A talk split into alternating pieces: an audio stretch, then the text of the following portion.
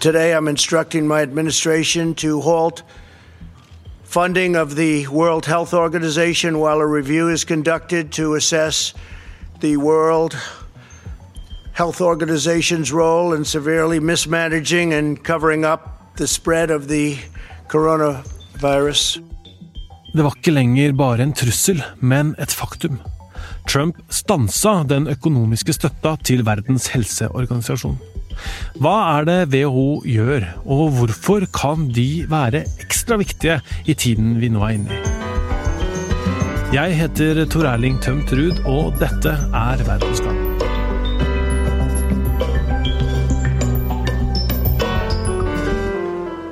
The United States of America has been a long standing and generous friend to WHO, and we hope it will continue to be so.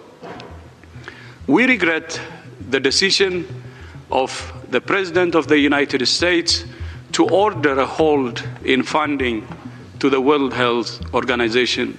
Etter eh, Trumps avgjørelse kom eh, generalsekretæren i WHO, Tedros Adhanom Ghebreyesus, med en påminnelse om organisasjonens rolle i verden. Med støtte fra myndigheter og folk jobber vi med å forbedre helsa til mange av verdens fattigste og sårbare mennesker. Vi bekjemper ikke bare covid-19, men adresserer også polio, malaria, hiv, tuberkulose, underernæring, kreft, diabetes, mental helse og mange andre sykdommer, sa helsesjefen. Han pekte også på at WHO jobber med å forbedre tilgangen til helsetjenester for verdens befolkning. Men hvorfor stoppa Trump støtta til WHO? Jo, fordi han mener helseorganisasjonens håndtering av pandemien har ført til at tusenvis av liv har gått tapt. Han anklager dem for å hjelpe Kina med å dekke over spredningen av viruset. Pengestøtta vil ifølge Trump stanses mens USA gransker håndteringen. En av dem som har jobba tett med WHO og kjenner organisasjonen godt, er Arbeiderpartiets leder Jonas Gahr Støre. Jeg har jobbet i WHO, jeg kjenner eh, menneskene som jobber der. Eh, det er en stor organisasjon, men det er først og fremst i dag et veldig, veldig stort nettverk. Fordi dette er organisasjonen som binder sammen smittevernmyndigheter i hele verden, egentlig i alle verdens land, og som samler informasjon om hvordan nå koronasmitten brer seg. Og Det som er så viktig med det, det er at de da kan forstå mer av hvordan dette viruset opptrer, og så dele den informasjonen ut til alle land. Men det som er spesielt med WHO, det er at selv de landene som har sterkest helsevesen, trenger også at det er en slik organisasjon som kan altså samordne på politikksiden, men ikke minst på den tekniske siden. Samle inn informasjon. Støre mener informasjonen og kunnskapen WHO har, gir fordeler langt utover enkelte lands helsespørsmål det er jo veldig avhengig av hvert enkelt land. Så det å ha eh, tiltak for å begrense smitting, eh, sosial distanse til folk, eh, fem av gangen som møtes osv., stenge skoler, det må jo hvert land vurdere ut fra sin egen erfaring og kultur. WHO gir råd også der. Nå, gir de også veldig aktivt råd til næringsliv, til bedrifter, hvordan de kan håndtere situasjonen. Så WHO på sitt beste klarer å samle opp de, de, nærmeste og beste erfaringene som land gjør, og så dele dem på en måte som gjør at eh, andre land kan trekke veksler på det. 31.12. blei Verdens helseorganisasjon orientert om virusutbruddet i Wuhan i Kina. En måned seinere erklærte WHO en folkehelsekrise som følge av utbruddet av korona.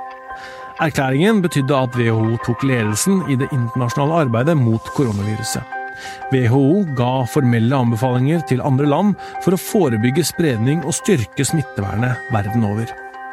Likevel så har det kommet kritikk til WHO for måten de har håndtert informasjon som kom fra Kina, og at de var for seine til å se alvoret i situasjonen.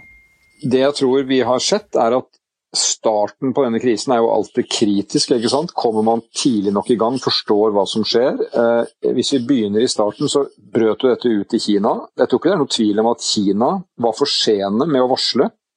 For sene med å dele alvoret i den kunnskapen de hadde da de så at folk døde av et virus de ikke kjente. Så der gikk det verdifulle uker tapt. Og Det betød at inn på det nye året så tror jeg nok at WHO hadde mangelfull forståelse av hvor farlig dette var.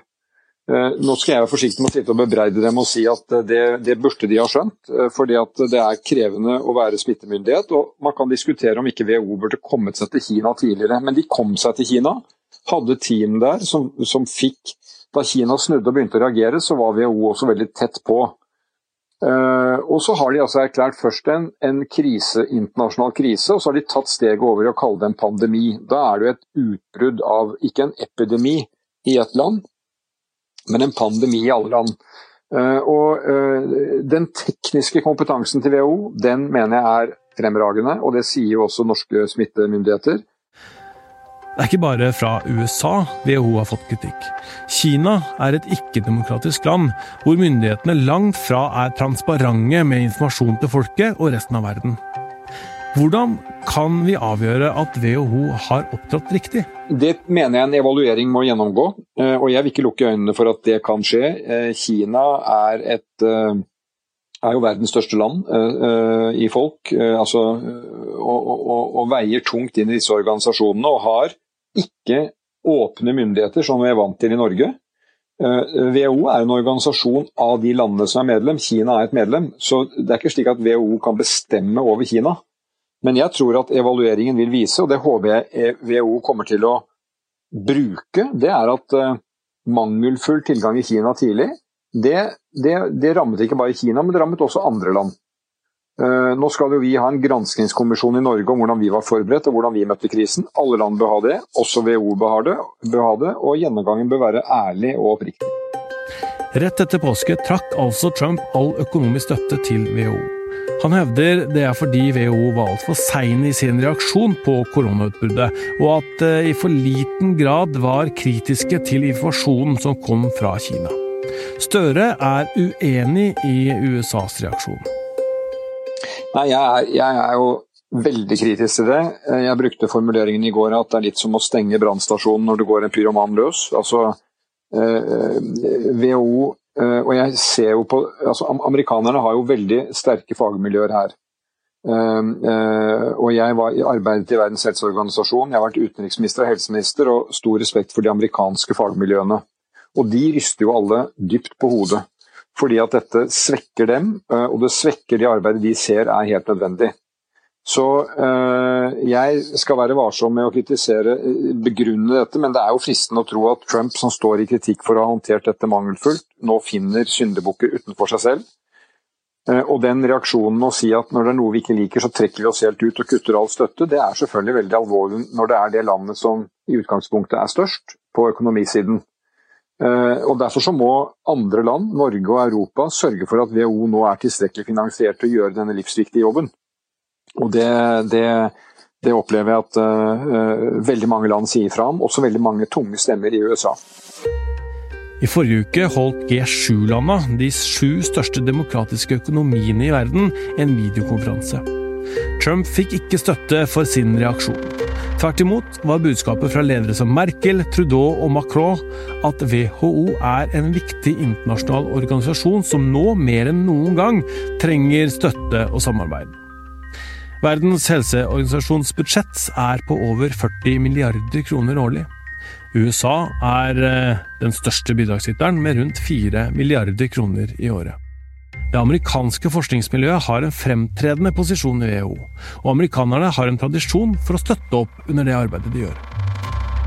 Jeg husker George Bush sin finansminister sa at det å redde uh, sårbare barn ute i verden, det er noe amerikanerne brenner for uansett hvor de kommer fra.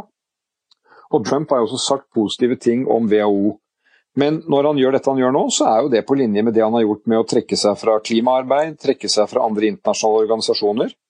Og den tanken som sier at når en organisasjon ikke er perfekt, ikke har gjort alt man vil, ikke er akkurat som man ønsker, så trekker man seg helt ut. Det mener jeg er en, en veldig farlig holdning. fordi at det som ikke fungerer som det skal, det får vi iallfall da jobbe for å gjøre bedre. Uh, og det er, jo, det er, jo, det som er så ulykkelig med dette, og jeg tror at USA også blir veldig skadelidende. Ikke bare fordi at fagmiljøene deres mister WHO, men det gjør at USAs stemme i verden blir enda mindre betydningsfull når de blir borte fra det arbeidet som bl.a. WHO driver. I kjølvannet av at USA og Trump da trakk den økonomiske støtten, så kom det informasjon om at stiftelsen til Bill og Melinda Gates har donert 150 millioner dollar. Gates er jo en aktør som uh, putter veldig mye penger inn i global helse fra de pengene han har tjent, uh, og som inngår i et kompaniskap med WHO. Ehm, de ledende amerikanske smittevernsfolkene som eh, jobber i WHO, altså som er der, de står i en veldig vanskelig situasjon. De har jo tatt veldig kraftig til motmæle. Eh, og jeg er enig med at eh, Tedros, sjefen i WHO nå, som er fra Etiopia, han sier jo det at viruset utnytter enhver kile mellom oss. Så hvis vi ikke slutter rekkene som land, så vil viruset utnytte det. Dette er jo et, overfor, er jo et tankebilde. ikke sant? De vil utnytte det med å få større gjennomslag. Viruset blir farligere, eh, får lettere eh, gjennomslag i befolkningen enn når vi samarbeider. Så Det er jo igjen så alvorlig, og jeg mener det er uh, veldig uansvarlig at man nå reagerer på et eller annet man måtte være kritisk til ved å trekke seg helt ut, for det er som sagt å slippe viruset mer fri. Podkasten Verdens Gang lages av Emilie Halltorp Kristine Hellesland, Nora Torp Bjørnstad og meg, Tor Erling Tømtrud. Magne Antonsen er teknisk produsent. Takk for at du hørte på. Vi høres igjen i morgen.